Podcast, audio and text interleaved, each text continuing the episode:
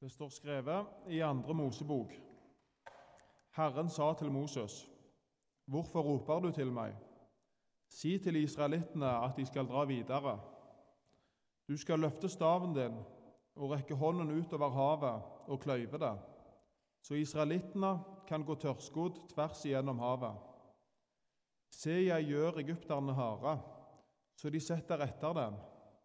Jeg skal vise min herlighet på farao og hele hans hær, på vognene og rytterne hans. Egypterne skal kjenne at jeg er Herren, når jeg viser min herlighet på farao og vognene og rytterne hans. Guds engel, som hadde gått foran Israels leir, byttet nå plass og gikk etter folket. Skysøylen som var foran dem, flyttet seg og stilte seg bak dem, så den kom mellom egypternes leir og israelittenes leir. Og skyen kom med mørke, men den lyste likevel opp natten, så de ikke kom inn på hverandre hele natten. Da rakte Moses hånden utover havet, og Herren drev havet bort med en sterk østavind som blåste hele natten, så havet ble til tørt land. Vannet ble kløyvd, og israelittene gikk tørrskodd tvers gjennom havet. Vannet sto, vannet sto som en mur, til høyre og til venstre for dem.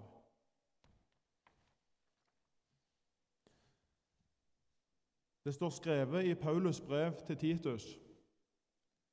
Det ble åpenbart hvor god vår Gud og Frelser er, og at Han elsker menneskene. Han frelste oss ikke på grunn av våre rettferdige gjerninger, men fordi Han er barmhjertig.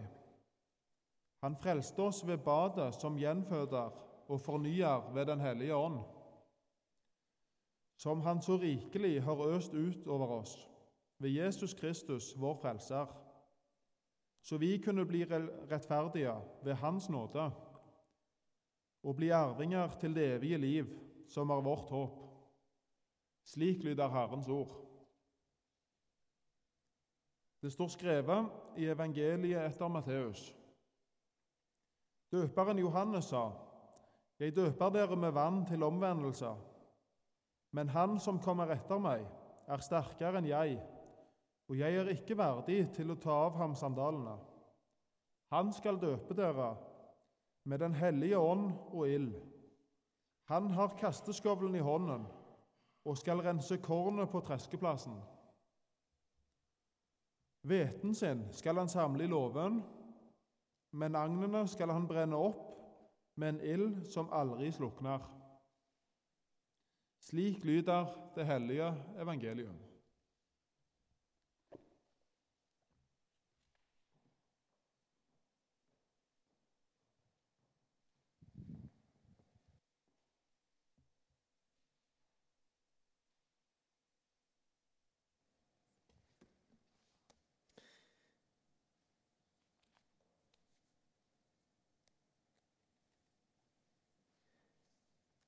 Nå eh,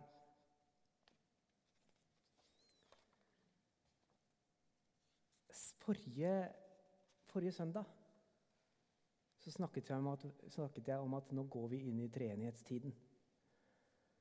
Og jeg har fått på meg den grønne fargen. Og denne treenighetstiden den varer helt til advent, faktisk. Store deler av høsten. Eller hele, hele, nesten hele halvåret. Vi feiret jul for, for fem måneder siden. Seks måneder siden, nesten. Og vi har feiret påske, og vi har feiret pinse. Og i løpet av et snaut halvår, halvår så har vi opplevd alle høytidene, de store høytidene. De viktigste hendelsene i kirkeåret er over. Hva skjer nå? snakket vi litt om forrige gang. Og Den grønne fargen minner om at tiden er eh, inne for modning og vekst. Sånn som det, det vokser ute av så masse. I hagen vår, i hvert fall. Overalt. Ja, eh, tekstene denne tiden, den, de handler om Jesu liv og det han sa, om hva det betyr for oss. Så treenighetstiden handler om våre liv. Det høres kanskje veldig fjernt ut, treenighetstid. Men det handler om våre liv og om vår tro. Forrige søndag snakket jeg om det å, at det å følge Jesus er som å være elev hos han. Og det er det vi skal utforske videre i treenighetstiden. Hva vil det si å være elev av Jesus? Hva vil det si å ha Jesus som lærer? Og så jeg, nevnte jeg også sist at eh, dåpen er, er, som innskrivingen på skolen. Man må jo ikke være skrevet inn på skolen for å kunne lære i livet. Men eh, det er jo, i hvert fall nå så er det masse ressurser tilgjengelig for de som vil lære uten å gå på skolen. Men skolen er fortsatt det viktigste stedet for læring. Der er det liksom tilrettelagt for læring. På skolen. Ikke sant? Men der samles ressursene, og der er det lettere å gjøre seg mottakelig for læring. Det er mer krevende å skulle studere på egen hånd uten å være tilknytta en skole. Og sånn er det også med dåpen som inngangsporten til Jesus skole, tenker jeg. Kirken skal være et læringssenter, et ressurssenter for Jesus skole. Her kan vi komme sammen. Vi kan lære i fellesskap. Vi kan snakke om hva det vil si å følge Jesus. Vi kan ha kollokviegrupper, og vi kan snakke med læreren også direkte. Sammen. Og Forskjellen på Kirken og de fleste skoler er at her så dreier ikke læringen seg mest om kunnskap. Vi går sammen med læreren hele døgnet. Og vi lærer av hans oppførsel og væremåte. I tillegg til å høre hva han har, hva han har å si.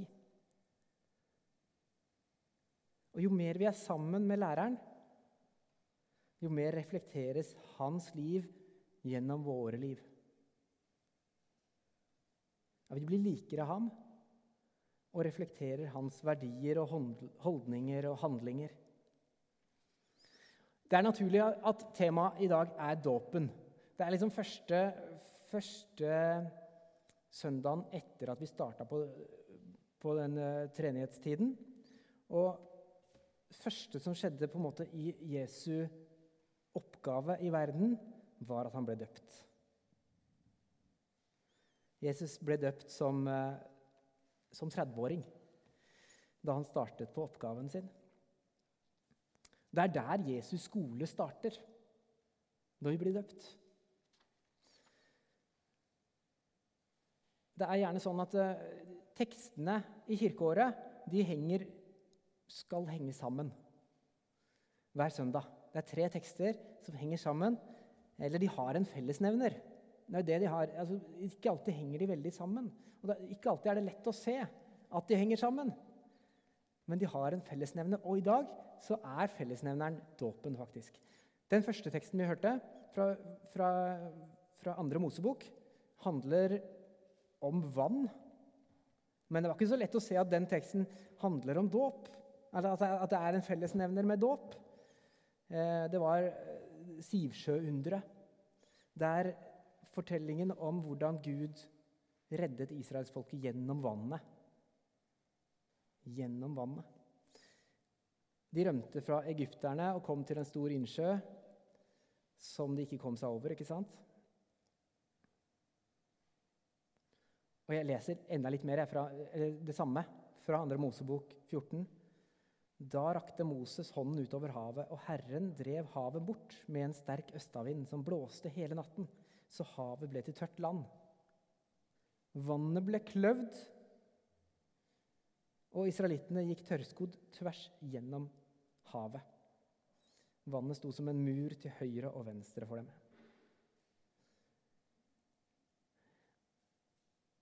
Befrielsen fra fienden var aldri folkets egen kamp.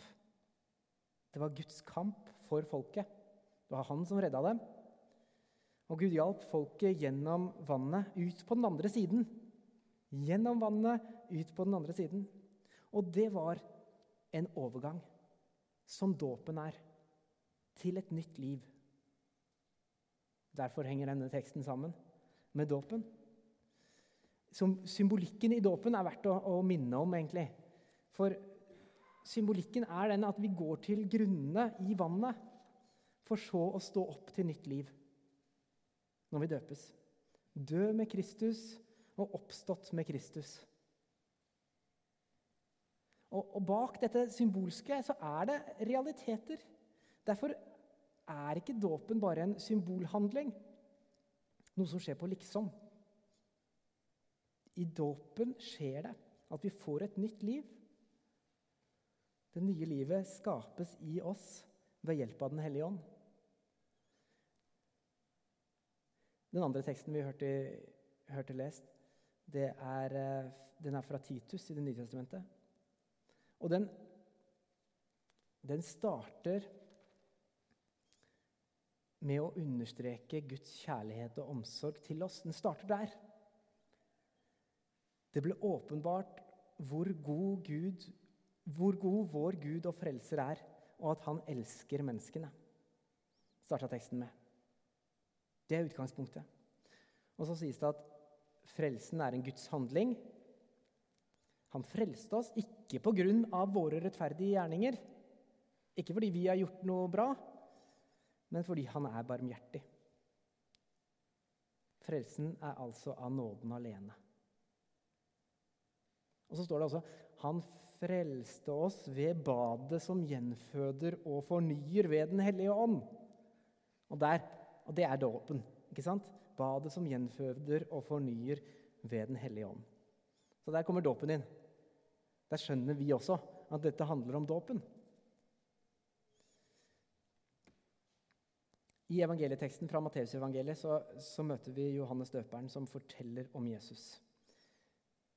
Jeg døper dere med vann til omvendelse, sier han. Men han som kommer etter meg, er sterkere enn jeg, og jeg er ikke verdig til å ta av ham sandalene. Han skal døpe dere med Den hellige ånd og ild. Og så sier han noe om kasteskovlen, om å rense kornet på treskeplassen om hveten og agnene. Noen tolker disse ordene fra døperen Johannes som, som, en, slags, som en domstekst. At Og jeg kan godt se for meg at hvis man først tenker at Jesus kom for å fordømme verden, så er det lett å lese denne teksten sånn at noen folk er At man skal skille hvetene og agnene. Så, så at, at, liksom noen folk er hvetene, og noen er agnene. Eh, men det er ikke sånn. Jesus kom jo for å frelse verden. Han kom for å gi den vaklende, skakkjørte menneskelighet en ny sjanse til å bli oppreist i Guds kjærlighet. For så høyt har Gud elsket verden, husker dere? At han ga sin sønn den enbårne for at hver den som tror på ham, ikke skal gå fortapt, men ha evig liv.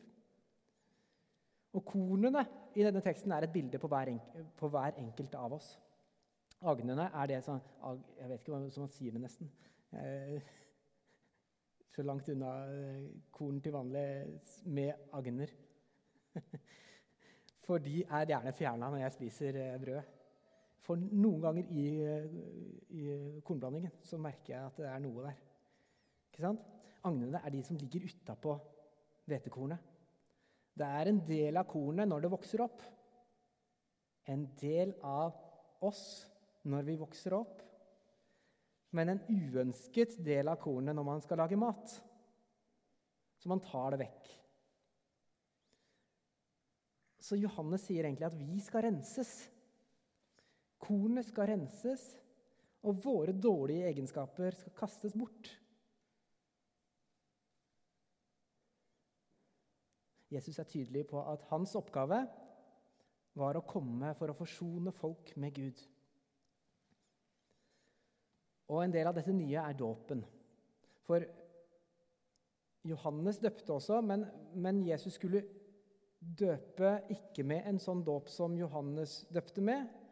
Johannesdåpen var et symbol på noe nytt, men ikke noe mer enn et symbol. Johannes forteller at Jesus kommer med en ny type dåp. En dåp som tilfører oss en ny dimensjon i troen. En dåp der Guds hellige ånd og hans visdom, kjærlighet, hans ord og makt er en del. I dåpen, sier Johannes, vil vi få del av det guddommelige på en ny måte. I dåpen, ved Den hellige ånd, så skjer altså denne renselsen som Johannes snakker om i bildet av hveten og agnene. Og etter dåpen, etter innskrivingen på skolen, så begynner livet i den frelsen som ble gitt oss av nåde ved dåpen og troen. Når, når Den hellige ånd virker i oss og våre liv, sånn at vi utvikler oss og vokser i troen og i forståelse og kjærlighet, så kan vi kalle det helliggjørelse. Vi kan utvikle oss og vokse i tro og kjærlighet gjennom livet ved, den hellige ånd, ved Den hellige ånd og Guds hjelp. Vi får være som barn, men vi inviteres også til å vokse som troende mennesker. Gå i lære hos ham, på hans skole. Og Målet med skolegangen er at kjærligheten til Gud og våre medmennesker vokser. Det er målet med skolen. At kjærligheten til Gud og våre medmennesker vokser. Du skal elske Herren din Gud over alle ting og din neste som deg selv. Dette er det første og største bud, sier Jesus. Så det i våre liv som hindrer oss fra å elske vår neste, misunnelse, hevngjerrighet, sårede følelser kanskje, skuffelser, misforståelser, krangler Kort sagt alt som stenger for kjærligheten. Det er det som er de agnene, fruktløse agnene. Det som ikke bærer frukt, og ikke gir liv eller håp. Og det er dette Den hellige ånd fjerner for oss og kaster i ovnen og brenner opp. Det er ikke folk som blir kastet bort. Så, så det er lett å lese den kan, Man kan lese den teksten sånn ved første øyekast. Men det er det onde og nedbrytende i oss. Og så kan det som er godt, omsorgen, tilgivelsen, framsnakket, medlidenheten, tilgivelsen og forsoningen, kort sagt den grenseløse kjærligheten som Gud gir oss, den kan nå få være en del av den enkeltes liv. Og dette er kornet. Det er det fruktbare. Den hellige ånd virker i oss, og vi kan vite at Jesus kom med sin nåde, dåp og ånd til oss alle. Ikke til dom, men til frelse. Og i dag så kan vi minne oss på at vi er døpt, innskrevet på Jesus skole, og vi er frelst. Vi er blitt satt fri fra alt det som ikke bygger opp. Vi har fått et nytt liv på hans skole, der vi skal lære av ham. Det er en skole uten eksamen til slutt. For her er læringen, formingen, prosessen, selve målet. Som elev på Jesus skole så er du allerede renset. Du er døpt med vann, ånd og ild og satt i stand til å leve som det frie og hele mennesket som Gud skapte deg til.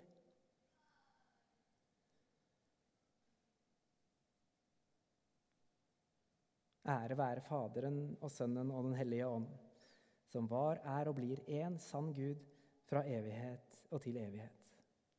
Amen.